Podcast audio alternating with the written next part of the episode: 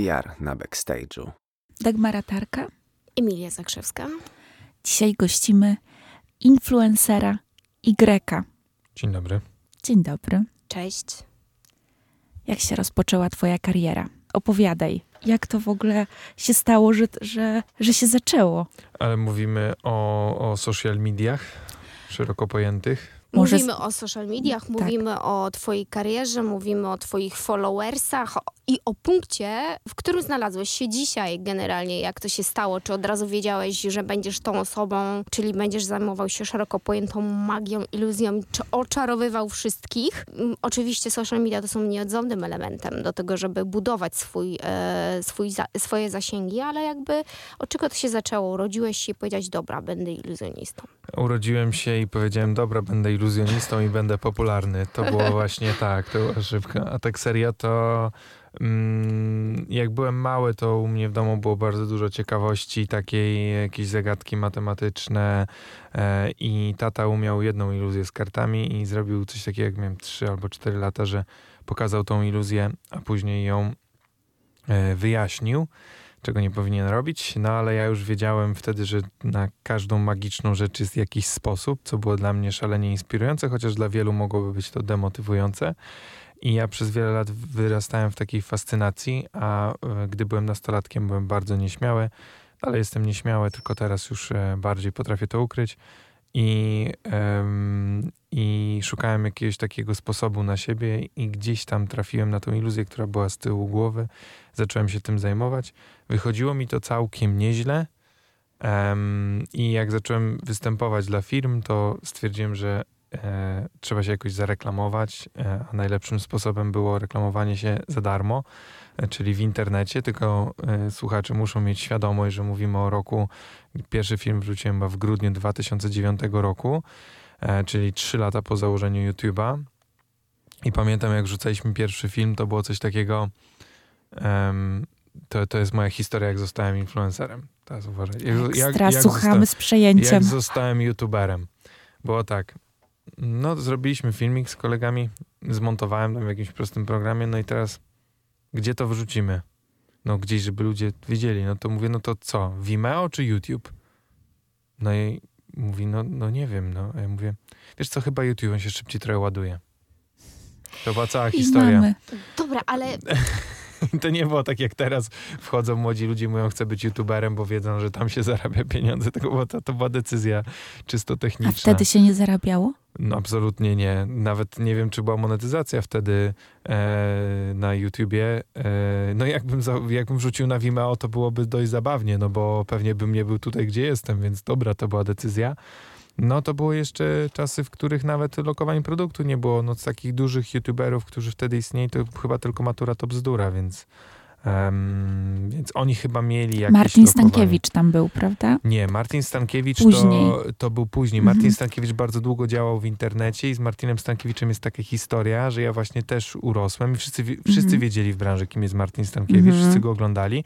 Oglądali tam, jak on, nie wiem, miał jakiś program chyba na WP, czy na, czym, na Tak, jakichś tak. takich serwisach, ale na YouTubie był bardzo małym twórcą. Mhm. I w pewnym momencie wszyscy po prostu twórcy, takie było pospolite ruszenie, mówimy, no nie, no to jest nie, nie, niepojęte, że Martin ma tak mało subskrypcji i zaczęliśmy go po prostu z nim crossować i żeby, żeby go Wow. wybić i się udało. No bo Czyli wszyscy, współ, wspólna praca. tak, bo wszyscy go bardzo szanowali za to, co robi i uważali, że y, powinien mieć więcej wyświetleń, więc bardzo dużo twórców mu w pewnym momencie pomagało, bo, bo było to dla nich dziwne. Dla mnie też było to dziwne, że mam więcej subskrypcji od Martina i, i to, się, to się udało, więc no tak, no poniekąd można powiedzieć, że to nie jest tak, że twórcy mu to dali, no bo on sam sobie na to zapracował, bo robił takie treści, które tak inspirowały, że wielu twórców dużych nie wyobrażało sobie innej sytuacji, jak mu pomóc, nie? Ale dobra, byłeś e, dzieckiem, podobało ci się to, co tata ci pokazał, ten świat się wkręcił, być może właśnie ta twoja e, nieśmiałość jakby skłoniła cię do tego, żeby ten świat e, e, wyobrażeń, marzeń eksploatować, być zauważony, bo rozumiem, że twoją widownią na początku była, pewnie była rodzina, przyjaciele, znajomi. Chodziło o dziewczyny oczywiście, tak A. naprawdę chodziło o... No i wyszło. Zawsze. No i od dziewczyny dzisiaj mamy mm, peł, pełną gębą profesjonalną profesjonalistę, y, influencera o niesamowitych zasięgach i powiedz mi, jak to się robi. Czy ty sam dzisiaj odpowiadasz za swoją karierę, swój wizerunek? Jest to strategia przemyślana? Masz sztab ludzi, którzy siedzą, wymyślają i jakby odpowiadają za ciebie w social mediach. Jak to dzisiaj wygląda? E, ja sam odpowiadam za całość mojej działalności w sensie takim, że biorę za nią odpowiedzialność ale oczywiście mam e, ludzi, którzy mi przy tym pomagają, ale no, jednak mam pełną świadomość, że, że odpowiedzialność jest zawsze po mojej stronie, więc muszę to kontrolować. Mam od e, dziewięciu lat, chyba jakoś prawie dziewięciu lat e, wspólnika menadżera. Mamy team osób, mamy, mamy montażystów, operatorów. Nie jest to duży team, ale, ale jest. I, I też przez wiele lat współpracowałem z osobami, które, z którymi już teraz na przykład mniej pracuję i też im bardzo dużo zawdzięczam. Więc y, no nie ma czegoś takiego, w moim przypadku to byłoby niemożliwe osiągnąć sukces bez, bez innych ludzi, chociażby ze względu na to, że jak ja robię iluzję, to nie mogę trzymać kamery, więc ktoś musi ją trzymać. No wyobrażam sobie, że jakiś tam influencer mógłby dojść do tego poziomu, nie wiem, z perspektywy trzymania samemu kamery i samemu montowania, no ja na tym etapie nie jestem i wierzę mocno w to, że można osiągnąć więcej razem i szukając odpowiednich ludzi, kompetentnych i poprzez profesjonalizm. Także, także zdecydowanie odpowiedzialność jest na mnie, ale jest, jest cały team osób, które, e, które pracują, ale na komentarze odpowiadam sam i na wiadomości. A powiedz mi, e, co zmienił e, Mam Talent w Twoim życiu, w Twojej karierze? Bo myślę, że sporo osób też znacie właśnie z tego programu. Mam talent, nie wiem czy tak dużo, bo jak mm. czasami wrzucam takie filmiki typu zobaczcie jak to było 10 lat temu w Mam Talent, to, to dużo widzów się dziwi.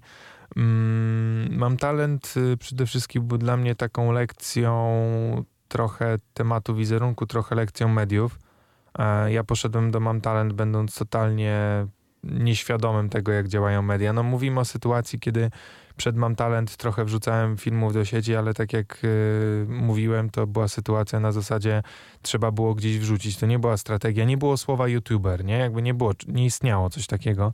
W ogóle nikt, nikomu przez naj, w najśmielszych oczekiwaniach nie przychodziło do głowy, że to będzie traktowane kiedykolwiek jako zawód.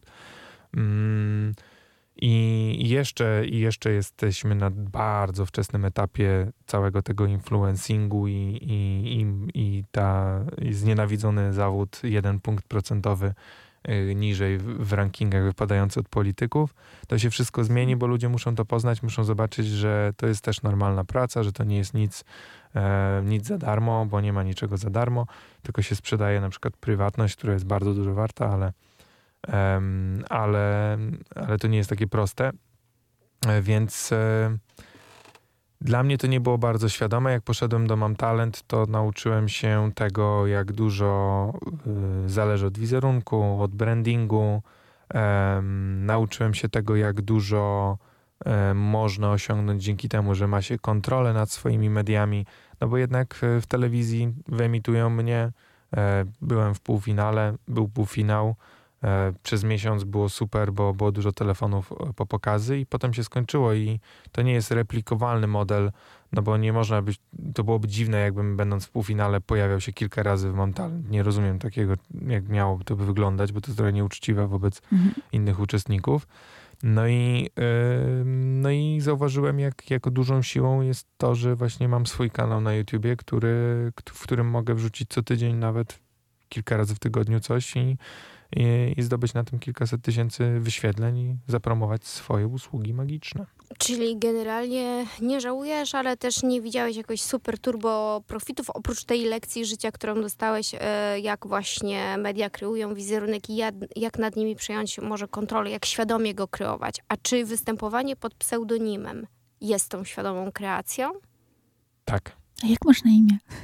Nie mogę powiedzieć. Y, tak szczerze mówiąc, to bardzo dużo ludzi o to pyta i bardzo dużo ludzi y, chciałoby tego wiedzieć, tylko że ja w pewnym momencie, jak mówimy, to jest PR na backstage'u, tak? Więc mówimy tak. to od backstage'u, nie będę oficjalnej PR-owej tutaj mówił formułki. Generalnie chodziło właśnie o to, że mm, ja zauważyłem po Mam Talent, że ja że nie miałem, nie miałem szans dać się zapamiętać właśnie między innymi na dość długie nazwisko i po prostu przyjąłem w pewnym momencie pseudonim. który stał się moim imieniem najnormalniej w świecie. Po prostu ludzie zaczęli tak do mnie mówić i zacząłem tak używać jako imię, dlatego ja nawet z praktycznych powodów nie, nie podaję swojego imienia, bo ja nie reaguję na swoje imię po prostu. To takie formalne i zresztą planuję je też formalno-prawnie zmienić w pewnym momencie, y, gdy będę miał odpowiednią dokumentację. Więc y, Y, po, prostu, po, prostu będzie Y. I, y, i, i ja bym. I, I po prostu to mi bardzo dużo dało. A w ogóle śmiesznie, bo oficjalna historia jest taka, to, to jest prawda, tylko to po prostu w momencie, w którym wpadłem na to, żeby przyjąć taki pseudonim, to przeczytałem, że według legendy osoba, która przyjmie za imię literę Y, posiądzie magiczne umiejętności. I, i, i Pitagoras w to wierzył i przez tydzień y, miał, y, wziął za, za, imię literę Y i dlatego ruch pitagorejski ma y, symbol Y. I, I to jest bardzo ciekawe, bo faktycznie od kiedy mm, wziąłem ten pseudonim, to zaczęło się dziać w moim życiu bardzo dużo magicznych rzeczy. Więc jeżeli ktoś mi dobrze życzy i, e, i chce mnie wspierać właśnie w tym magii, to zawsze sobie myślę o tym, że jak ktoś do mnie mówi Y, Y, to wtedy, albo Y, to wtedy, to wtedy tak jakby patrzę, że to się moc ładuje magiczne. I wtedy znaczy, się tak. rzeczy fajne dzieją. Jest wiele osób, które wierzy chociażby w symbolikę własnego imienia, co ona oznacza, mhm. często odzoruje pewne siły i tak dalej, i tak dalej. No to już jest kwestia. Ale ty wierzysz w ogóle w takie ponadprzyrodzone e, rzeczy, mm, numerologia, astrologię, takie, no można powiedzieć, e, niektórzy, znaczy kiedyś astrologia to była nauka wykładana na uniwersytetach, to było coś bardzo, bardzo poważnego. Dzisiaj traktujemy to jako coś no, magicznego. Musimy, musimy mieć świadomość, że kiedyś e, robiło się lobotomię jako zabieg pomocy przy... Dokładnie. Przy, przy, mhm. jakby ta nauka historycznie, e, historycznie różnie to wyglądało. Ja jestem osobą bardzo sceptyczną, zresztą wierzącą w wiarę katolicką, więc, więc też jestem dość, dość sceptyczny, jeśli chodzi o te takie y, inne gusła, ale ja zawsze powtarzam, że jeżeli ktoś uważa, że coś ma, wiesz, być tak bardzo takie kontrowersyjne stwierdzenie, nie wiem, że na przykład astrologia działa, no to wymaga to równie dużych dowodów. Tak? Takie jest powiedzenie. I ja wierzę w to, że wiele rzeczy, które są w, w astrologii, w, w takich magicznych, w cudzysłowie, rzeczach, może być prawdziwych, ale bardziej wierzę, że magia to jest nauka, której jeszcze nie znamy i że wszystkie te rzeczy, które być może teraz się wydają nieprawdopodobne, one być może zostaną udowodnione naukowo w przyszłości. W ten sposób. Mhm. E, więc nie wykluczam, ale jestem bardzo ostrożny i sceptyczny, bo wiele osób wykorzystuje to, e, to do swoich własnych, prywatnych celów, do wymówek, do, mm, do kształtowania rzeczywistości na, na pokrój swoich poglądów. Więc e, nie jestem taki, że powiem, o nie, oczywiście magia nie istnieje. Uważam, że istnieje na wielu płaszczyznach, tylko no, myślę, że ktoś by nie brał za to pieniędzy, jakby umiał robić magię. A wierzysz y, we wróżki? Wierzysz, że ludzie mają właśnie, moc przewidywania? Y, w ogóle, że mają taki zmysł tego, że są w stanie przepowiedzieć nam naszą przyszłość? Pytam, bo jeżeli dobrze zrozumiałam, jesteś katolikiem, jakby no, oczywiście dla katolików jest to sprzeczne z wiarą, tak? Y, no. I to bardzo mocno, ale czy ty, czy ty zajmując się magią, ale profesjonalnie, wierzysz w ogóle, że są ludzie, którzy mają takie zdolności? Ja jestem przede wszystkim iluzjonistą, czyli moim zadaniem jest stworzyć złudzenie magii w głowie widza i ja się faktycznie bardzo koncentruję na tym, żeby ktoś na pokazie naprawdę uwierzył, że to jest magia, ale na płaszczyźnie emocjonalnej, a nie logicznej. Czyli trochę tak jak w teatrze czy w kinie jest pewien, pewna kanwa, e, po której się poruszamy, pewne założenia, pewien kontrakt wręcz z widzem. Ale jeśli chodzi o właśnie o wróżbiarstwo szeroko pojęte, ja wierzę, że może być taka osoba, która zna przyszłość, ale mm, większość wróżek i wróżów używa dokładnie tych samych technik, których używają iluzjoniści od stuleci, tylko oni nie, nie dają tego takiego, takiej ramy tego, że to jest zabawa. To znaczy, że jeżeli ktoś pójdzie do wróżki na zasadzie zabawy, to ja nie mam z tym najmniejszego problemu, bo to prawdopodobnie może być świetna rozrywka. Ale jeżeli ktoś idzie do wróżki na serio i na podstawie tego, co powiedziała wróżka, podejmuje decyzje życiowe, no to to jest krzywdzenie ludzi. I teraz jeżeli ktoś weźmie wróżkę, wróża na imprezę firmową, żeby się pobawić i poprzepowiadać, nie wiem, bo zbliżają się Andrzejki, no to, no to spoko, to, to, to jest okej, okay, tak? Ale, ale jeżeli ktoś yy, chodzi i myśli, że to jest na serio, no to to jest niebezpieczne i osoby, które na tym zarabiają, no to troszeczkę wykorzystują te osoby. I niestety my jesteśmy jako ludzie dość mocno zdesperowani. Im, im gorsza, im w gorszej jesteśmy sytuacji, tym bardziej, więc jesteśmy łatwymi celami. No i chciałbym, żeby, żeby się nie dawali ludzie wykorzystywać. Cieszę się, że zostało wróżbiarstwo i bioenergioterapia wycofana z KRS-u w końcu. A to nawet nie wiedziałam. To jest tego. ciekawostka. Tak, ale A biznes po... jest dosyć duży, ten wróżbiarski, mm -hmm. w ogóle ten, tak. powiedzmy, biznes magii, bo jesteśmy głodni tej magii i tak jak mówisz, z tego co rozumiem, to w twojej działalności nie ma magii, tylko jest świetna technika, ale tak bardzo chcemy wierzyć w tą magię.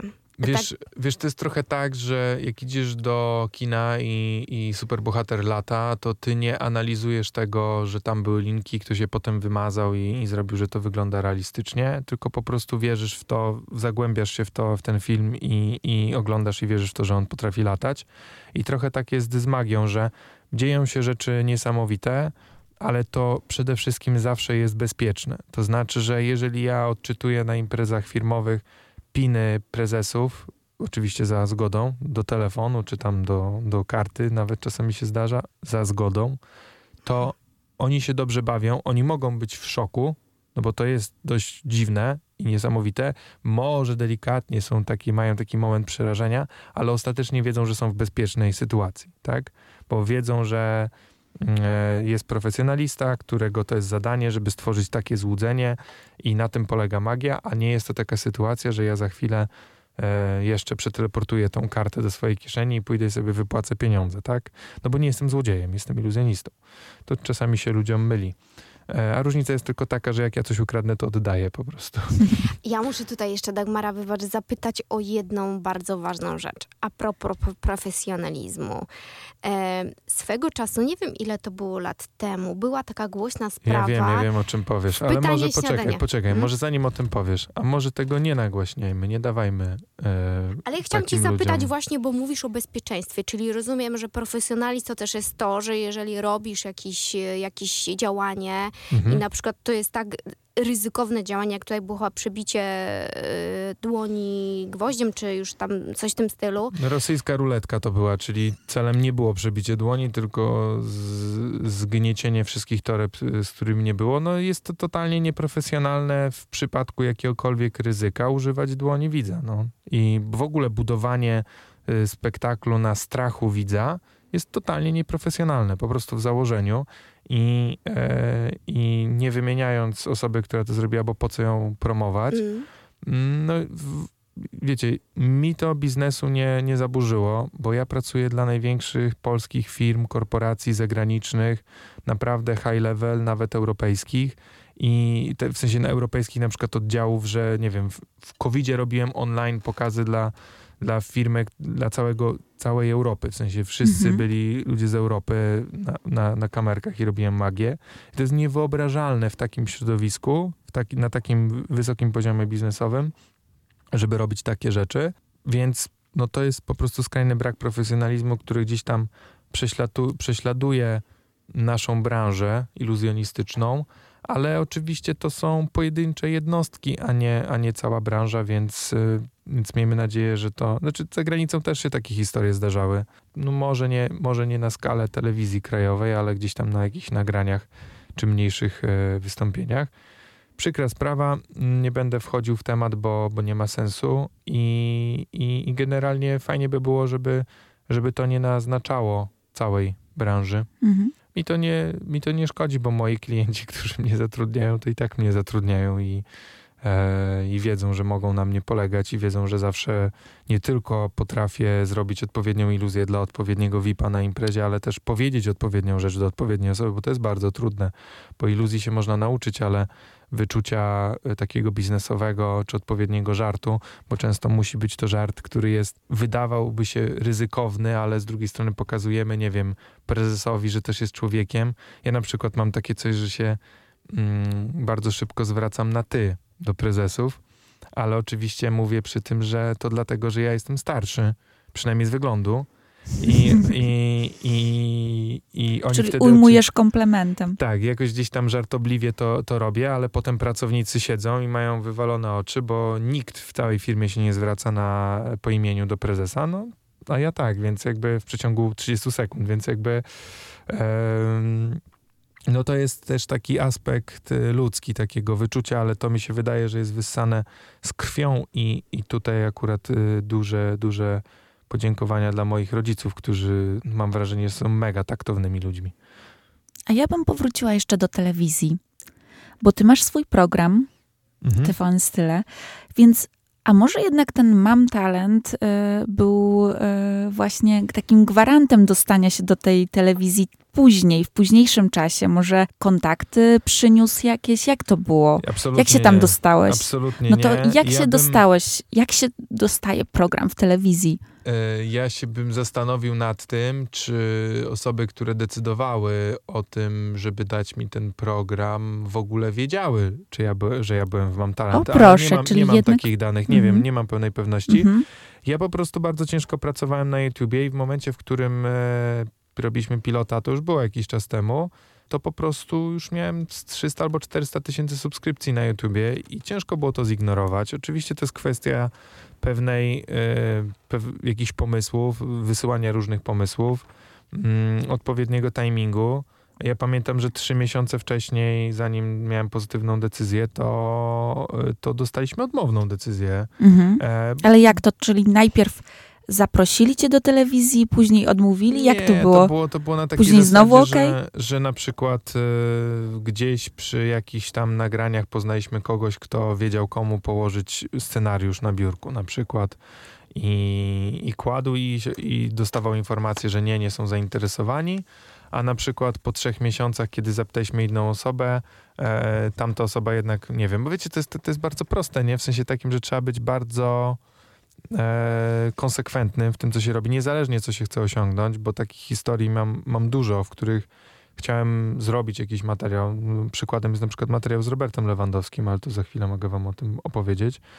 I, I trzeba cały czas próbować, bo jeżeli ja bym, nie wiem, wysłał do TVN-u jeden scenariusz, no to, no to jest duża szansa, że dyrektor programowy tego dnia, w którym akurat go dostał, nie miał czasu go przeczytać, tak? Mhm. I, I niestety, no trzeba po prostu próbować, próbować i tutaj taki znany przykład mm, ze świata.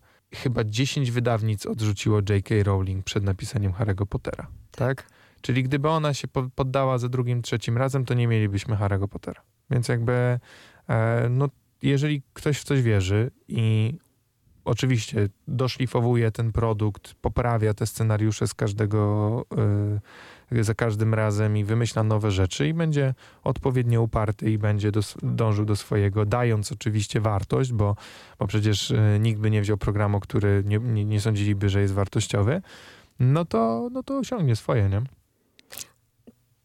No a jak, e, jak jest przejść z telewizji internetowej do, do takiej realnej te telewizji? Czym to się różni? No przede wszystkim... YouTube, a, a TVN. Przede wszystkim dla mnie dużym, dużym szokiem był brak kontroli pełnej. To znaczy, no jednak jest ekipa, która y, montuje to. Ja oczywiście brałem udział w produkcji programu od, od etapu scenariusza do finałowego montażu, ze względu na to, że musiałem dopilnować, żeby była iluzja prawidłowo zmontowana. Nawet nie chodzi o, y, nie wiem, o jakieś sekrety, ale chodzi o to, że delikatne zmiany w montażu mogą po prostu zgubić sens iluzji albo pogubić widza do tego stopnia, że nie będzie wiedział, co się dzieje. Ale ostatecznie decyzyjną osobą jest y, jednak e, osoba z telewizji.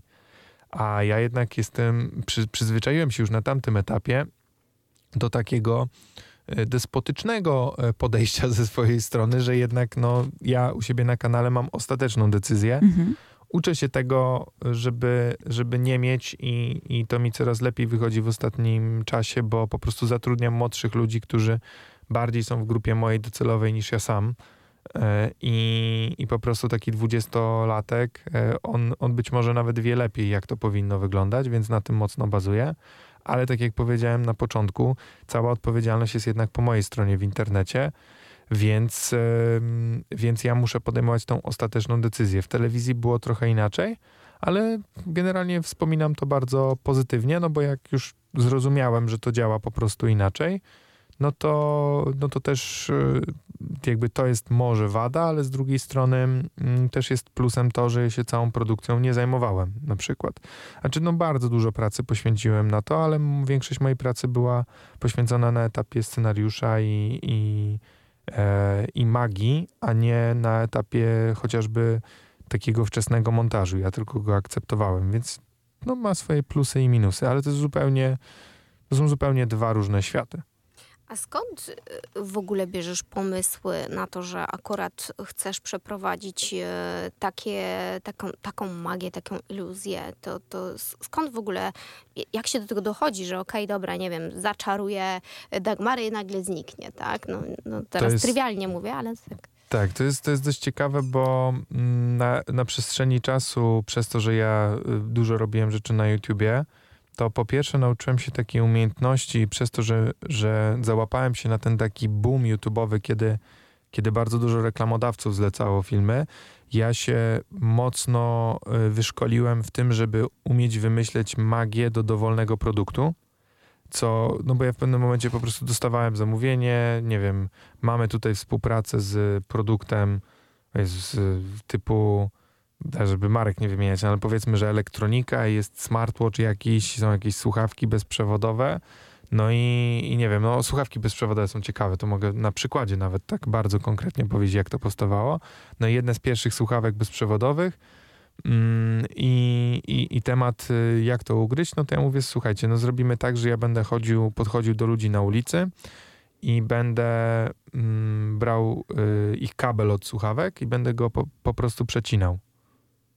No i to jest takie no, dziwne, nie? bo to niemiłe, ale potem go naprawię i złączę. Ale powiem, że lepiej, żeby używali bezprzewodowych, tak? No i, i oczywiście mówimy teraz, kiedy już bardzo dużo osób używa bezprzewodowych słuchawek. Ja mówię parę lat temu, kiedy, kiedy to nie było normą. No i y, ciekawostką jest to, że najpierw jest jakiś pomysł, czyli są słuchawki, gdzieś coś się łączy, tu wpadam na pomysł, żeby przeciąć komuś słuchawki, jest to fajne, bo to jest kontrowersyjne, dobry tytuł i tak dalej.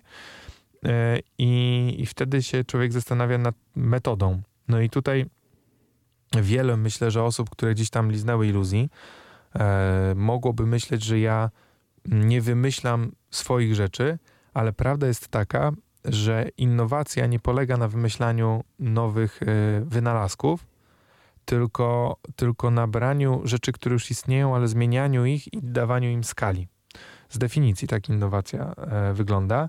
I w przypadku chociażby tego kabla, no to ktoś sobie pomyśli, no, że wygląda to na nowy efekt magiczny dla, dla przeciętnego odbiorcy, ale prawda jest taka, że już w pierwszej chyba książce z magią, w której to prawnik, e, w, to był XV wiek, prawnik, e, albo XVI wiek, e, prawnik wielu magików, którzy płonęli na stosie, tak jak wiedźmy, postanowił, że obnaży ich sekrety po to, żeby ich bronić w sądzie. I tam już było opisane efekty z linami. No i jednym z podstawowych efektów z, ze sznurkiem czy z liną jest go przecięcie i złączenie z powrotem. No i de facto jest to dokładnie to samo, co było setki lat temu, tylko z użyciem nowego rekwizytu, który ma sens w dzisiejszej rzeczywistości, no bo teraz już raczej sznurków i, i lin tak często nie używamy, jak używaliśmy pewnie z, ze 100 lat temu. I to było bardzo, y, to jest taki sposób, jeden ze sposobów y, tworzenia magii, ale dzięki temu, że ja też robiłem y, wiele tych współprac komercyjnych i do każdego produktu wymyślałem magię, to też y, mam taką umiejętność, że jestem w stanie praktycznie na każde zadane gdzieś tam challenge typu, czy jesteś w stanie zrobić coś z tym, coś zrobić. I jak na przykład nagrywamy ze znaną osobą, to najpierw wymyślam sobie, jaki mógłby być tytuł, czyli co ta osoba mogła, czym się mogłaby zachwycić, albo o czym się teraz mówi w kontekście tej osoby. E, I, i gdy, gdy biorę, no nie wiem, na przykład weźmy takiego pana e, Makłowicza, no to on mówi o gotowaniu, o zachwycaniu się trochę jedzeniem, tak? No to wiadomo, że to jest gdzieś tam kierunek. No i ja sobie tam myślę o tym, okej, okay, Robert Makłowicz, co by było takie, takim dobrym clickbaitcikiem, jak to się mówi u mnie w branży, czyli dobrym tytułem. I może Robert Makłowicz by e, na przykład Robert Makłowicz nigdy czegoś takiego nie jadł. Tak? O, na przykład. no. No Ciekawe. i, no i od razu ktoś mówi, okej, czego? No i się okazuje, że się spotyka z iluzjonistą i ja mówię do niego, żeby wymyślił w ogóle jakieś absurdalne danie i się okazuje, że ja pod pokrywą mam przygotowane danie. Nie wiem, zmyślam teraz na bieżąco, bo e, ten odcinek będzie raczej, jak mam nadzieję, w przyszłym roku, więc jeszcze będę miał czas. Ale e, jak się wszystko uda. Pozdrawiam, jeżeli ktoś słucha od. Roberta Makłowicza, to ja, to, to, ja, to ja bardzo chętnie nagram tą magię. W każdym razie wtedy ja sobie wymyślam te rzeczy E, I dzięki temu, że mam to doświadczenie, to jestem w stanie wymyślić, że na przykład jeżeli dowiaduję się, że nie wiem, jakiś znany aktor interesuje się minerałami, bo takie rzeczy się zdarzają na researchu, no to, no to wtedy jestem w stanie wymyślić coś z minerałami i wtedy ma to duże znaczenie dla, dla niego, więc, e, więc to jest bardzo ważne, że trochę się tak wyspecjalizowałem i nawet to nie jest zbyt popularne na skalę światową, że ja zawsze staram się dla gwiazd personalizować tą magię, chociaż w Mhm. najmniejszym stopniu. Więc e, żeby oni po prostu wiedzieli, zresztą dla firm też tak robię, żeby osoby oglądające mój pokaz wiedziały, że ten pokaz mógł się wydarzyć tylko dla nich i dzisiaj, Mhm. a nie jest taki sam dla każdego. To jaką magię spersonalizowałeś dla Roberta Lewandowskiego? Oczywiście jedna z magii, ty, ta, ta, którą ludzie najbardziej zapamiętali, była z piłką, co jest jasne. Oczywiście robiłem tam też, e, też inne rzeczy, trochę, trochę było o, mm, była iluzja z monetą, która mi się skojarzyła z tym, że zgadywałem, w której monecie Robert, w której ręce Robert ma monetę, bo to się kojarzy z tym takim na początku, jak sędzia losuje połowy Mhm. to często mówi, żeby ktoś wybrał i potem rzuca monetą. Mm, Ale to, naj, to najbardziej popularna to była właśnie, kiedy, kiedy mm, chciałem użyć piłki i pomyślałem sobie, że to będzie idealny moment, żeby połączyć dwa światy, czyli mój świat, ja bardzo lubię karty do gry, produkuję karty do gry, e, takie luksusowe, więc pomyślałem sobie, że wezmę talię kart i spróbuję zrobić coś z kartami i z piłką. Robert wybrał sobie losową kartę. Ja rzuciłem kartę na piłkę, którą trzymał i karta była w środku piłki.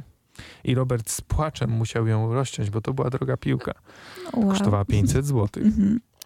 To ja myślę, że wielu, wielu fanów teraz piłki nożnej byłoby, yy, byłoby ci bardzo wdzięcznych, gdybyś troszeczkę zaczarował to, co się dzieje i żebyśmy skończyli z wielkim sukcesem. Ja nie, będę, nie będę ukrywał, że, że parę razy rozmawiałem, wymieniłem zdania na ten temat nawet z Robertem, że gdzieś tam przydałaby się taka magia, wsparcie.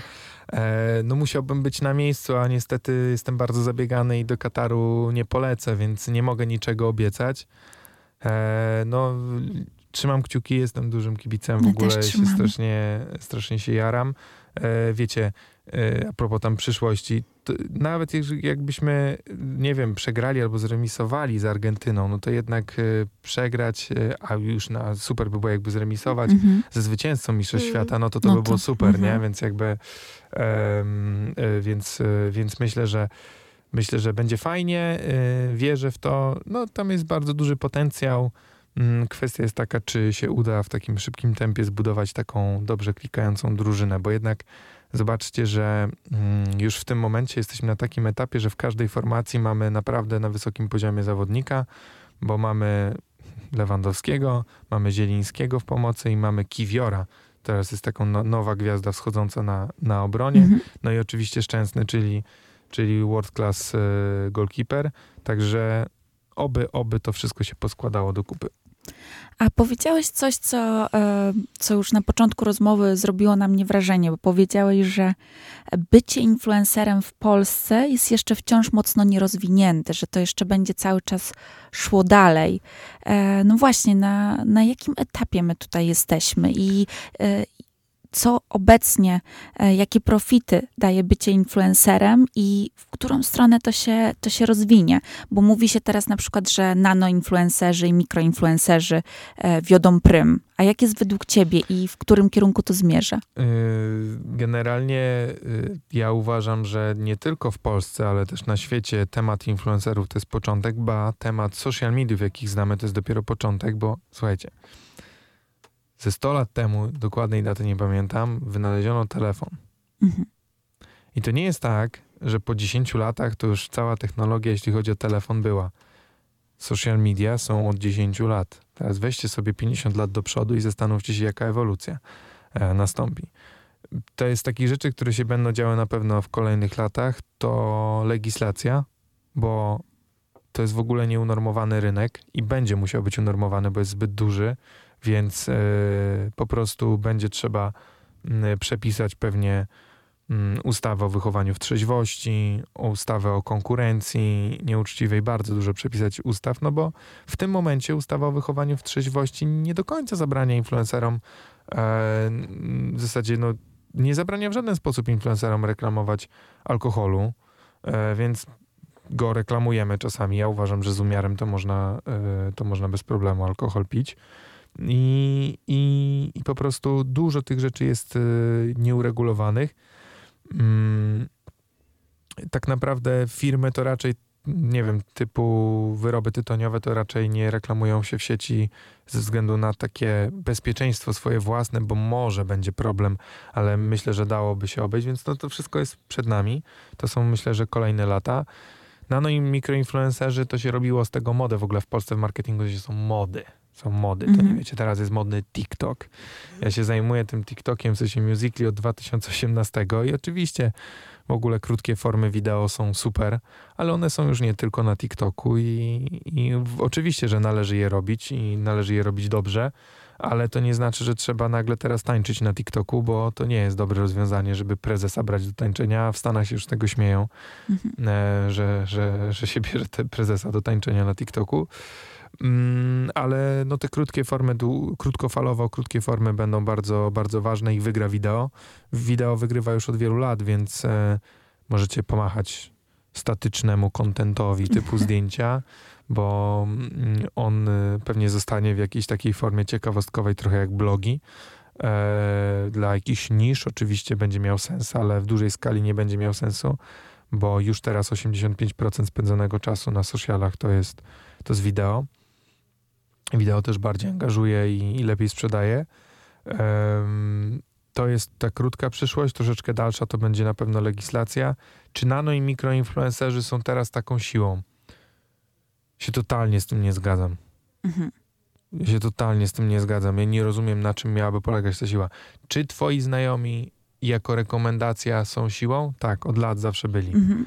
E, to znaczy, że nano i, nano i mikroinfluencerzy mają odwzorowywać taką sytuację typu e, koleżanka mi poleciła ten model MLM, który jest e, moralnie wątpliwy, ale bardzo skuteczny, tak? E, w którym koleżanka jest konsultantką firmy, nie wymieniajmy może nazw. Tak. Od razu nam przychodzi na myśl jakaś na pewno komuś mhm. przychodzi, bo tam ze dwie, trzy są takie wiodące, no i, i, i, ona poleca i wtedy my ufamy. Ale badania też mówią, że dużym influencerom y, y, ufają y, w tematach zakupowych ludzie minimalnie mniej. Tam to jest, to jest tam chyba 70 parę procent do 70 procent y, mhm. w porównaniu do rekomendacji znajomego, co jest też ciekawe w związku z tymi nowymi badaniami na temat tego, który zawód ma jakiś szacunek, no bo niby szacunek ma, influencerzy mają tam na poziomie 17 czy 16%, a, a politycy na poziomie 18%, ale jednak w badaniach ewidentnie wychodzi, że decyzje zakupowe podejmujemy na, na podstawie, w 70% na podstawie rekomendacji influencerów, więc to jest trochę specyficzne, ale e, ludzie nie muszą szanować, wychodzi na to, że zawodu influencera, bo uważają, że to są duże zarobki nieproporcjonalne do pracy, ale nie zmienia to faktu, że jeżeli jakaś dziewczyna zajmuje się zawodowo make-upem, no to ci poleci dobry make-up, bo to byłoby dla niej złe, jakby poleciła coś złego. Mm, a jeżeli ktoś, nie wiem, jest takim influencerem jak ja, gdzie, nie wiem, gdzie e, staram się zawsze dostarczać e, treści w rzetelny sposób i, e, i nie oszukiwać swoich widzów, no to tak naprawdę jakikolwiek produkt, którego używam, bo ja, ja tak realnie nigdy bym nie zareklamował czegoś, co uważam, że jest słabe, no to mogę z, ze szczerym sercem rekomendować i to wtedy powoduje sprzedaż, więc jakby mm, to jest też bardzo, bardzo, bardzo ciekawe, ale social media, zwróćcie uwagę, że wcale nie idą w stronę tego, żeby mm, promować tych małych i tych najmniejszych, czyli takich, tych nano, takich mhm. powiedzmy bardziej popularne osoby z naszego otoczenia. Ktoś, kto ma tysiąc obserwując, tysiąc ma znajomych, a nie dwustu na przykład bo social media przestają być social. To znaczy, nie wiem, czy macie świadomość, ale TikTok, YouTube, Instagram to nie jest social media w większości przypadków, dlatego że tylko pojedyncze funkcje służą do komunikacji się między znajomymi, a większość, większość czasu spędzamy jednak na konsumowaniu treści. To są mm. platformy rozrywkowe, albo edukacyjne, ale rozrywkowo-edukacyjne.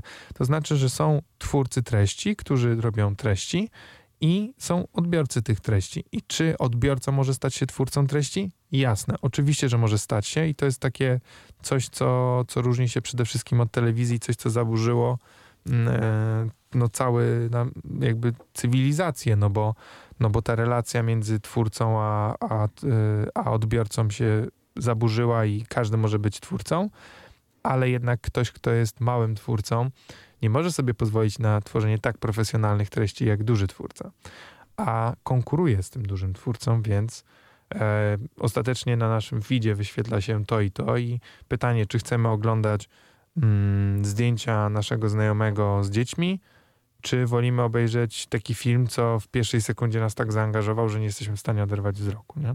Tak, jakość kontentu to, to jest e, jedna rzecz, ale strasznie fajnie, że powiedziałeś o tych tematach e, regulacyjnych, bo my tutaj z Dagmarą angażujemy się w, w ten proces. E, miałyśmy przyjemność uczestniczyć w przygotowaniu rekomendacji prezesa UOKiK w zakresie oznaczania reklam w social mediach. Wiemy, że idziemy teraz dosyć, dosyć taka ważna zmiana, jeżeli chodzi o reklamowanie produktów tak zwanej medycyny estetycznej i to wszystko właśnie właśnie ma e, tak naprawdę dużo wspólnego z iluzją, moim zdaniem, bo dla mnie dzisiaj e, social media, powiedzmy platformy rozrywkowe, to jest jedna wielka, no nie chcę powiedzieć yy, ściema, ale iluzja, w którą lubimy wierzyć. Porównujemy się skutki z badań, które są, jeżeli chodzi o wpływ na naszą psychikę, yy, bywa zgubny, w szczególności dla, dla, dla, dla, młodszych, yy, dla młodszych odbiorców.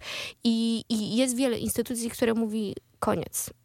E, o tyle, o ile w Twoim przypadku, jak mówisz, dbasz o jakość, e, masz wysoko e, jakościowy content, jesteś profesjonalistą, ale wierzysz głęboko w to, że to, co robisz, jakby ludzie świadomie odbierają, że to jest forma zabawy, tak? Że tak, ja, znaczy ja biorę bardzo dużą odpowiedzialność, tak? Bo ja mam świadomość, mhm. że treści, które, które oglądają widzowie, no to jednak to mogą być bardzo młode osoby i nawet jeżeli wiesz, w większości moją grupą odbiorców jest pewnie już teraz nawet 25-35, to ja mam świadomość, że nawet jeżeli to ma garstka dzieci niepełnoletnich obejrzeć, też, bo przy tych zasięgach to jest niemożliwe, żeby jakiś młody człowiek nie obejrzał, no to musi być do jakiegoś stopnia odpowiedzialny i robię to w zgodzie z tym, w co wierzę.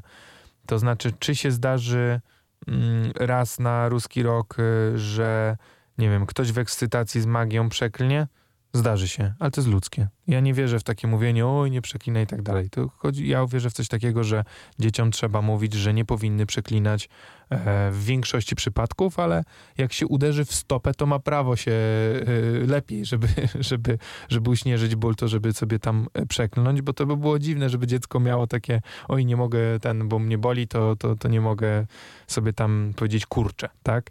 E, więc jakby w coś takiego wierzę, ale no ja bardzo, bardzo staram się uważać na temat tego, co pokazuje, jak pokazuje, promuje pozytywne sytuacje.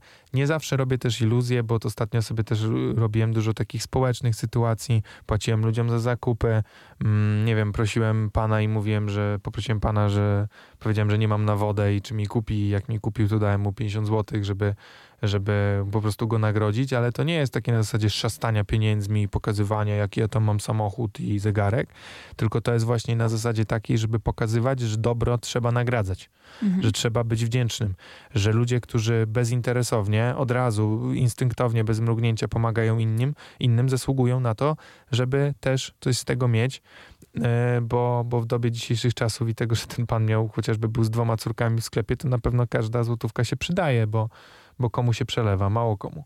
I, e, I to jest dla mnie bardzo ważne, albo nie wiem, robię taką serię, rozśmiesz mnie, dostaniesz 50 zł, albo rozśmiesz mnie, dostaniesz 100 zł. I uważam, że to jest bardzo fajne, bo to pokazuje młodym ludziom, że warto się odważyć, stanąć przed kamerą, to jest wystąpienie publiczne, że warto umieć opowiadać żarty, e, że warto e, umieć rozśmieszać się nawzajem, e, bo wtedy po prostu świat jest bardziej pozytywny. E, I to jest coś takiego, ale oczywiście wracając do twojego pytania, nie każdy influencer tak ma, bo jednak jest bardzo dużo nie powiedziałbym, że wszyscy. Mi się wydaje, że większość jest bardzo odpowiedzialnych, fajnych twórców, ale jest naprawdę takie, jest kilka tych takich e, złych jabłek, i, e, które, które patrzą tylko na swój portfel, patrzą na to, nie, nie, patrzą za bardzo na produkt, nie analizują, czy to jest scam, czy to nie jest scam, czy to oszukuje. Nie wiem, nie jestem pewien, czy te regulacje, o których mówimy,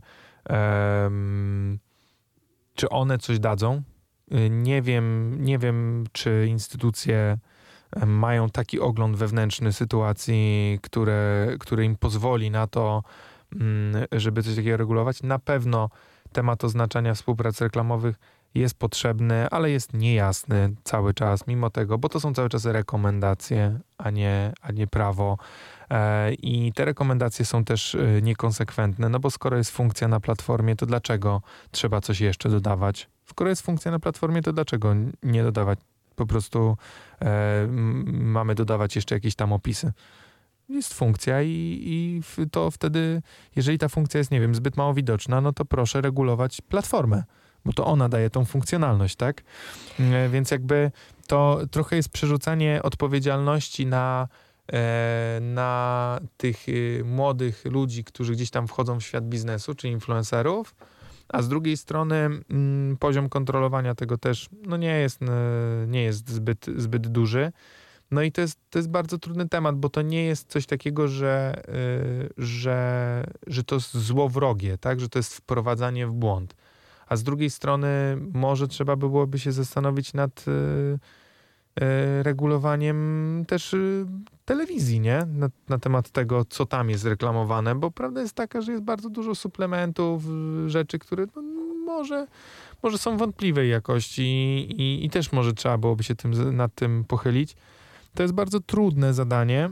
Mm, w innych krajach jest to troszeczkę inaczej rozwiązane, bo na przykład w Dubaju, mm, czyli w Zjednoczonych Emiratach Arabskich, jest licencja na bycie influencerem, kosztuje ona 15 tysięcy, mniej więcej 15 tysięcy złotych.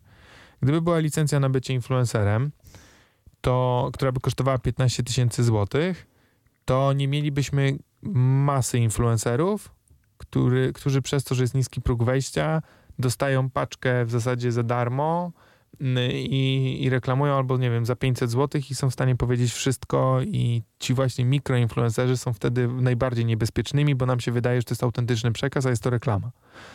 A duzi twórcy, tacy jak ja, y, czy mi się zdarzy czasami nie kliknąć zapomnieć oznaczyć? Zdarzy się. Mhm. Czy jak zobaczę i ten to edytuje? Oczywiście, że edytuje. Robi to każdy. E, czy staram się mówić na filmach otwarcie, że film jest we współpracy z daną firmą? Oczywiście, że tak, bo to też, też dobrze dla firmy. Ja zawsze to rekomenduję firmom, że mówię, mówię, słuchajcie, nie ukrywajmy tego, że współpracujemy, tylko po prostu cieszcie się tym, e, wręcz e, wręcz krzyczcie o tym, że, że sponsorujecie jakiegoś youtubera, no bo ludzie, którzy cenią sobie jego twórczość, po prostu docenią to, że dzięki temu on może te rzeczy tworzyć. Więc ja nie wiem, czy to będzie taka duża zmiana. Na pewno jest y, potrzebne bardzo dużo zmian, nie, nie tylko ze strony konsumenckiej, tylko ze strony e, takiej e, regulacji bezpieczeństwa sieci. I jest moim zdaniem się bardzo źle za to zabierają, e, bo nie rozmawia się, rozmawia się o młodych ludziach, rozmawia się o tym, że internet jest zły. To nie jest rozwiązanie jakby długofalowe i raczej, znaczy powiem tak szczerze, no nie będzie dobrych rozwiązań, bo, bo dobre rozwiązania musiałyby być na podstawie platform. A nie wyobrażam sobie, żeby rząd polski na przykład mm, stawiał warunki dla, dla meta Mhm. Czy dla TikTok, y, w ogóle dla, mhm. dla platform. Właśnie to jest też, y, jakby nie chcę w to wchodzić, bo temat y, rekomendacje, regulacje, samoregulacje, oznaczanie to jest temat naprawdę na kilka godzin mocnej dyskusji, jak do tego się zabrać, żeby to było naprawdę, jakby to jest taka pierwsza jaskółka, która oczywiście wiosny nie czyni, ale jest jakby takim też ukłonem, dlaczego samoregulacja i takie miękkie rekomendacje, a nie ustawowo wprowadzanie, bo to też był podział branżowy Jedni twierdzili, że samoregulacja wystarczy, drudzy mówili, że absolutnie nie. Ale, e, ale też jest tu taka walka z tą właśnie iluzją, gdzie ludzie one-to-one wierzą generalnie w to, co, e, w to, co mówią. Tak, tylko że wiesz, jeszcze właśnie wrócę do tego, bo powiedziałaś o tych porównaniach, bo jeszcze ten wątek był, był w pytaniu, wiesz, że jest duża szkodliwość social mediów, bo jest porównywanie, ale to nie jest problem social mediów. To jest, to jest coś, co ludzie gdzieś tam przechodzą obok problemu. Problem jest taki, że ludzie się porównują. Mhm. Jakby problemem jest to, że my się porównujemy. Znaczy, ja się staram w ogóle do nikogo nie porównywać. Jak porównujesz się wśród koleżanek, nie? Dajmy na to, że masz, nie wiem, jesteś sobie w liceum i, i masz koleżanki w klasie, to tak. Ta będzie miała ładniejsze włosy, ta będzie miała ładniejsze oczy, ta będzie miała ładniejsze usta, ale co się dzieje w twojej głowie? W twojej głowie nie dzieje się to, że ty patrzysz i mówisz, no, no tak, no ta ma jedną rzecz ode mnie ładniejszą, a ta ma inną rzecz, tylko tworzysz taki niemożliwy awatar y, idealnej osoby. I, to jest bardzo, bardzo y, szkodliwe. Ale z drugiej strony, jakby się odwróciło i bym się mówiło, no tak, no ale ja uważam, że ja mam bardzo, nie wiem, fajną, szczupłą sylwetkę, a jestem z tego dumna, a widzę, że na przykład nie wszyscy mają takie szczęście, tak?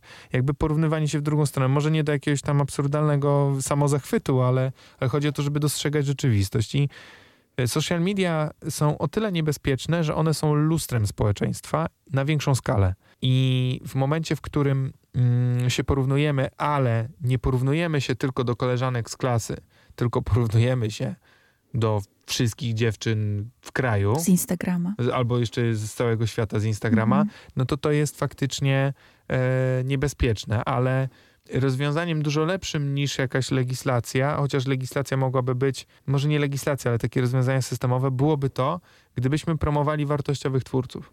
To znaczy, gdybyśmy y, na przykład y, firmy, które inwestują w lokowania produktów, powiedziałyby, nie bierzemy ludzi, którzy mieli jakikolwiek, kiedykolwiek skam. Mhm. Tak? Gdyby wykonały tą pracę, to, to wtedy ni- szybko by się skamy skończyły, jakby się okazało, że jeden, jeden skam to koniec twojej kariery, jeśli chodzi o zarabianie, a w większości zarabiają na lokowaniach produktów influencerzy, prawda? I teraz pytanie, jakie środki influencerzy by podjęli, żeby się upewnić, że coś, co, co robią, nie jest skamem? Sami by wykonali research. Może powinna po powstać taka lista, może to jest myśl. Ale nawet y, mhm. tutaj miałyśmy z Dagmarą taką głęboką dyskusję. Blacklista. Tak. Zastanawiałyśmy się, jak to jest, bo scam to jest oczywiście, to, to jest jedna rzecz, ale wśród takich influencerów jest mnóstwo osób, które mają poważne zarzuty. I ja już mówię o, tutaj właśnie. o zarzutach prokuratorskich. Te osoby są top of the top. Co gorsza, y, y, tu chodzi o pewnego podcastera, nie, nie, nie, będziemy mówić jakby, bo, bo nie mamy dowodów na, na, na, na to, To ale... jest bardzo ważne, też chciałbym powiedzieć, bo też tak. chciałbym, żeby ludzie, ja też to bardzo często mówię do moich fanów, to, że ktoś ma zarzuty, to nie znaczy, że jest winny. I jednak prawo działa tak, mm. i mhm. takie już takie głęboko zakorzenione, wiesz, w starożytnym Rzymie, że dopóki wina nie jest udowodniona, to ktoś nie jest winny. Domniemanie to jest, niewinności, to, to, tak. tak. jest domniemanie no, niewinności, a jednak żyjemy w kulturze anulowania ludzi i bardzo dużo karier w Stanach było położonych dlatego, że ktoś rzucił fałszywe zarzuty, więc ja jestem bardzo daleki od tego, ale zgadzam się z tobą, bo są też influencerzy, którzy byli karani, po prostu byli karani nie... i ja uważam, że oni y, do jakiegoś stopnia powinni mieć ograniczoną e, ekspozycję w sieci, Oczywiście, jeżeli ktoś został karany za to, że coś mu się wyda wydarzyło w życiu, nie chwali się tym, nie robi patologii, robi fajne treści, a byłbym w stanie podać taki przykład chłopaka, któremu wyciągnięto sytuację z przeszłości, w której no można powiedzieć, że gdzieś tam e, nawet e, e znalazł się trochę w nieodpowiednim miejscu, w nieodpowiednim czasie i, e, i, i po prostu miał, miał nieprzyjemność to jest ok, ale jeżeli ktoś, kto jest po prostu e, byłym skazanym, a promuje patologię, agresję i, i, ten, no to, to po prostu człowiek jest, to jest człowiek, który, przy którym żadna marka nie powinna stać nie? I to, I to powinno być, znaczy, no nie da się tego zakazać, bo to jest wolny rynek, tak? No ale ja uważam, że bardzo często marki po prostu nie mają świadomości. Dostają od jakiejś mniej kompetentnej agencji rekomendacje influencerów i oni zakładają, że oni zostali sprawdzeni, a te agencje często nie mają kompetencji influencerskich w, takim kontekście, żeby znać środowisko i wiedzieć, co kto robił dwa lata temu. Więc no niestety kończy się to tak, jak się kończy. Dla mnie to jest niepojęte, dlaczego tak bardzo inwestuje się w tych y, patologicznych influencerów, gdzie dużo influencerów patologicznych ma dużo mniejsze na przykład zasięgi ode mnie, a mają więcej współprac. Dla mnie to jest po prostu Mhm. jakiś, jakiś hit. Ja tylko dodam, że te rekomendacje Łokik to jest, to one, to jest ich pierwszy projekt tak naprawdę. Nie, no I one, mo- tak, dokładnie, one, e, jak rozmawialiśmy tutaj z przedstawicielami UOKiK, będą się zmieniać. To też musimy zobaczyć najpierw, czy one działają, jak działają i potem ewentualnie dostrajać je do, do właśnie do warunków, które panają, panują na naszych social mediach w Polsce. Ja to w ogóle Mhm. jestem fanem tego, żeby dobrze oznaczać reklamę, bo to będzie powodowało, że firmy i marki będą musiały robić dobre reklamy. Czyli niezależnie od Mhm. tego, że wiem, że to jest reklama, to i tak mi się to podoba, żeby to obejrzeć. Mhm. I to jest coś, co absolutnie wierzę, że jest przyszłością i tym się też mocno zajmuje, zajmujemy u mnie w agencji, żeby dostarczać e, tą informację o tym, że ta firma ma taką usługę lub produkt, ale poprzez dawanie wartości, czyli, czyli na przykład poprzez edukację. I myślę, że nikomu by nie przeszkadzało, Boże, jest taki fantastyczny TikToker, doktor z TikToka i on ma parę współprac i one są zawsze oznaczone prawidłowo, ale jak ja oglądam jego film i widzę, że to jest współpraca reklamowa, to ja nie mam idei na, za tym, żeby to przewinąć, bo ja sobie chętnie posłucham o tym, jak on z jakąś firmą podejmuje, s- y, ma chyba taką serię do tablicy, że wyciąga do tablicy z jakąś fundacją firmę, która coś tam nie, nieodpowiednio robi tam w kontekście chyba ekologii. I, i, i to jest uważam, że fantastyczne. I właśnie wierzę w to, że mm, może instytucje, które marki komercyjne może będą się rządzić swoimi prawami i ciężko będzie dużym korporacjom narzucić pewne rzeczy, ale instytucje państwowe, e, nie wiem, muzea, domy kultury, po prostu granty i tak dalej, powinny inwestować w influencerów, którzy dadzą tą jakość i, i ten content przemyślany i odpowiedzialny, a nie szukać na siłę współpracy właśnie mm, z jakimiś, w cudzysłowie, zasięgowymi, bo tak jak mówię, bardzo dużo pato influencerów ma mniejsze zasięgi ode mnie, a powiedzmy sobie szczerze, największym twórcą w sieci nie jestem. Więc, e, więc dla mnie to jest zawsze e, specyficzne, jak ktoś mi mówi, a tamten ma takie zasięgi. Ja mówię, no zobacz, ile ma subskrypcji, nie? No tam pół miliona. Mówię, no zobacz, ile ja mam subskrypcji, nie? No milion, no dziwne, nie? No wiesz, jakby, bo to jest coś takiego, że my naturalnie się na negatywach potrafimy koncentrować, bo tak Mhm. mamy skonstruowane mózgi. E, no i wiadomo, że ta patologia gdzieś tam będzie nas zawsze przyciągać, bo to jest odruch e, się obrócić, jak ktoś się bije. To jest po prostu odruch na ulicy, jak ktoś się bije, to na pewno się odwrócisz, bo po prostu tak nas ewolucja przygotowała, no ale to nie znaczy, że trzeba w to inwestować, nie? Mhm. Słuchajcie, my rozmawiamy już prawie godzinę. Tych pytań mamy jeszcze mnóstwo, ale no musimy zbliżać się ku końcowi. Emilka, prawda? Tak, zdecydowanie. No te, No. te tematów mamy z No tobą bo- do... no naprawdę, szerokim- świetnie nam się tak, rozmawia. Tak, jest magicznie. Tak, tak. Czego o tobie nie wiemy, Y? Oprócz Hmm. tego, że nie znamy imienia, No. nazwiska. Wiesz co, to myślę, że to by była najmniej istotna tajemnica. Ja zawsze powtarzam, że lubię tak żyć, że jakby ktoś mnie cały czas nagrywał. Nie, nie, że ktoś mnie cały czas nagrywa, tylko tak jakby ktoś mnie cały czas nagrywał. To znaczy, że nie robię nigdy niczego, czego bym, nie wiem, mógł się wstydzić yy, Mhm. w kontekście jakiejkolwiek sytuacji. E, mówiąc to w skrócie, e, żyję tak, żeby móc startować na prezydenta. Hmm. Mm, A tutaj akurat nieskazi- nieskazitelności wizerunku, to, to, to, No właśnie. Nie, nie trzeba. E, No nie wiem, nie wiem. Tak jak na prezydenta w Stanach, nie? Że jeżeli nie masz tam, masz jakąś e, rzecz, to no nie, no nieskazitelność na prezydenta trzeba mieć, bo w kampanii wszystko wywleką. Powiedzmy sobie szczerze, wiesz, że jakby niezależnie od tego, co kto sądzi o obecnym, poprzednim i poprzednim, poprzednim, poprzednim, poprzednim, poprzednim, co się tam różne rzeczy działy, to, to jednak no, do momentu wyborów to, no, to te wizerunki były raczej no, nieskazitelne, no bo no nie wiem, co by musiało, jakieś poważne rzeczy, tylko wiecie, też jesteśmy ludźmi, nie przesadzajmy, każdy popełnia błędy. Mhm. W każdym razie, no myślę, że taką moją największą tajemnicą to jest to, że jestem ekstremalnie nudny, nie? No, my się tak wynudziłyśmy Dokładnie, tutaj. że nawet nie założyliśmy, że godzina. A No. powiedz, powiedz, czy jesteś w stanie nam zdradzić jakiś taki mały sekret tego, na przykład, jak się odczytuje te piny kart? Mm, możemy spróbować, chociaż nie wiem, bo tutaj nie mamy wizji, ale mamy ten... Masz telefon, nie? Mam. Mogę na chwilę twój telefon? I, To ja muszę i was zwróć uwagę, nagrać. że on... Ja A, bo to jest taka klapka. Aha, bo to jest coś takiego, okej. Żeby odblokować telefon, to trzeba znać PIN. Tak, Mhm. tak. Cztery cyfry. Okej. Ja nie znam twojego PINu. Mhm. Czy mi podawałaś? Nie, absolutnie Nie, nie. Sama go nie pamiętam. Okej. Metodą To prób i błędów chyba Zobaczymy. problem. Metodą prób i błędów to tego bym nie mógł zrobić. Ja póki co nie mogę opanować telefonu, tego jak się odblokowuje. Metodą prób i błędów zobaczymy, czyli jak ja bym pisał PIN, to ile mogę mieć prób? Tutaj Trzy. muszę zobaczyć. I wtedy co będzie? Że trzeba będzie poczekać czas, czy zablokujesz całkowicie A tego nie telefon? wiem, bo jeszcze mi się nigdy nie zablokował. Aha, okej. Dobra.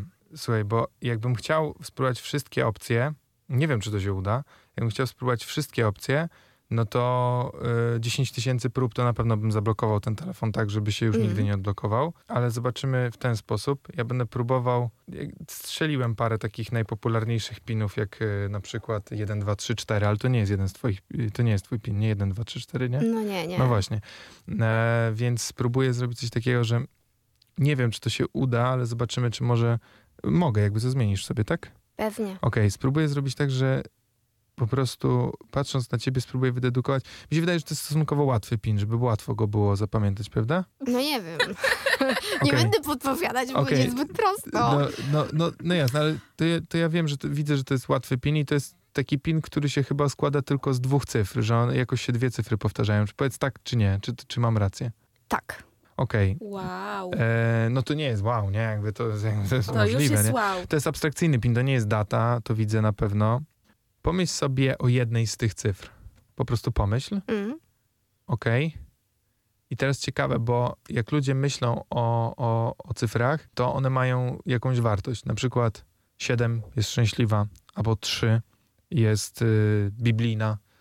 A ty, jak powiedziałem, pomyśl o jednej z tych cyfr, to miałoby sens, bo pomyślałeś może o jedynce? Jest, jest taka szansa? Tak. Okej, czyli tam wiemy, że jest jedna z tych cyfr jest jedynką, a teraz możliwe? e, wiemy, że się z dwóch cyfr składa mm, i teraz y, musimy tylko wymyślić drugą cyfrę. Z One trzech, są z trzech. z trzech cyfr. Ale jedna się powtarza. Tak. Okej, jedna się powtarza, ale to nie jest jedynka.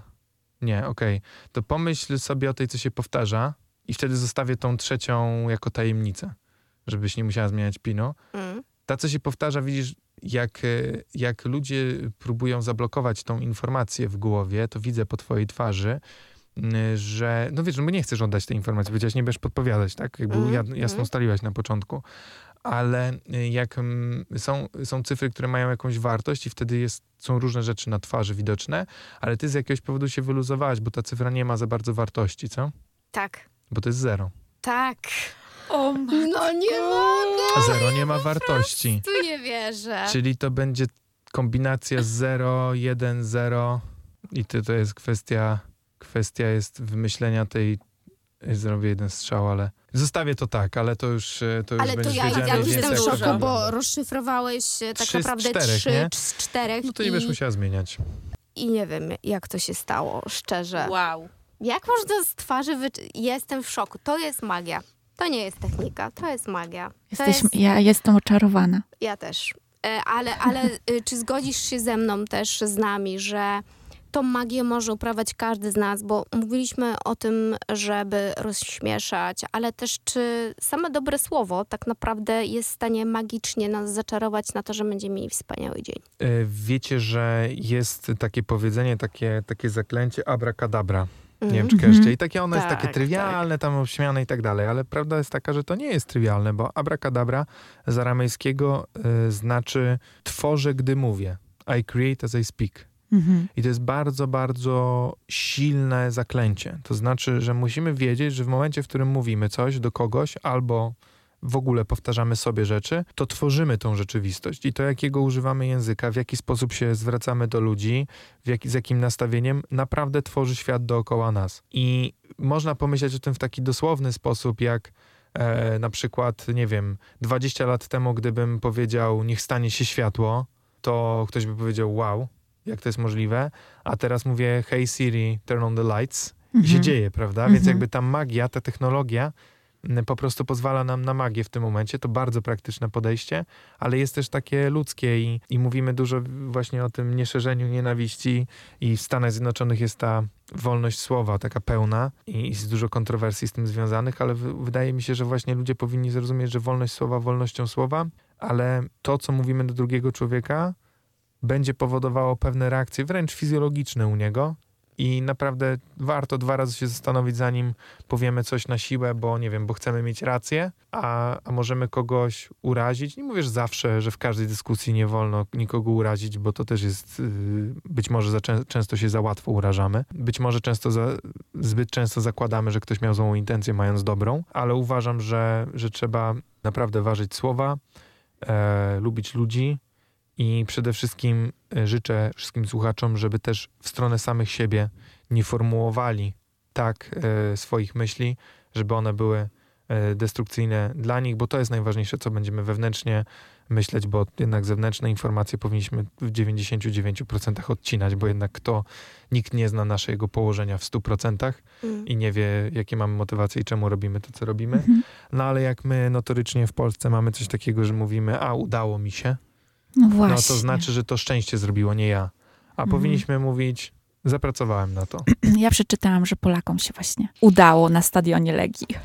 Powiem tak, nie stracić bramki przez 90 minut y, to jest tak naprawdę duży sukces naszej drużyny, bo, jak, bo historycznie jak popatrzycie sobie na Mistrzostwa Świata y, albo na przykład Mistrzostwa Europy Grecja 2012, jeśli dobrze pamiętam, oni tam odwalili, po prostu murowali tą bramkę i wygrali mistrzostwa, a ostatecznie chodzi o to, żeby wygrać. Wygrali mecz, więc wygrali to nic im się nie udało, po prostu wygrali. Czy mogli grać lepiej? Oczywiście, bo na tym polega sport, żeby cały czas się rozwijać, ale, y, ale wygrali i, i, i, i tyle. Teoretycznie, tak patrząc na sytuację w meczu, oczywiście tam była przewaga pił, piłki, ale nie wygrywa się meczu procentem utrzymania piłki, ilością podań, tylko stworzonymi okazjami i bramkami. Mm -hmm. A prawda jest taka, że przeciwnik sobie sytuacji nie stworzył.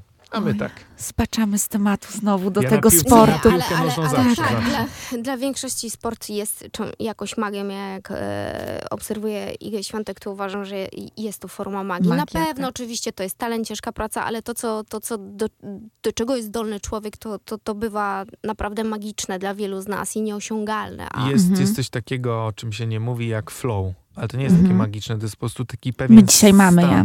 taki pewien stan, w który się wchodzi. Jak zobaczycie sobie, nie wiem, Maradonę żonglującego przed, przed meczem, mhm. E, to, to ta piłka po prostu się klei. To jest taki wyższy stan, w którym y, talent, to ja mocno nie wierzę w talent, ale te wypracowane umiejętności, które y, bez skupienia na przykład są 9 na 10, to w stanie flow na przykład działają 999 na 1000 razy, mhm. tak? I to o to chodzi. I jak popatrzycie sobie na to, jak e, właśnie Lewandowski wchodzi często w, te, w, ten flow przed meczem, to potem jest taka sytuacja, że jest 50-metrowa piłka i on ją skleja tak do, do buta, że w ogóle się nie, e, nie rusza, przyjmuje i po prostu strzela te niektóre sytuacje.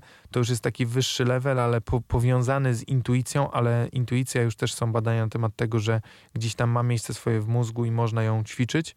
Więc, e, więc ja bym nie powiedział, że to jest szczęście czy magia, tylko powiedziałbym, że ci ludzie po prostu już są na takim poziomie yy, yy, po prostu umiejętności w swoich dziedzinach, jak Iga czy, czy Robert, że gdy wchodzą w ten taki stan maksymalnej kon koncentracji i pewnie fale mózgowe, jakby mi zbadać, to troszeczkę inaczej są, to po prostu dzieje się coś, co już przypomina magię.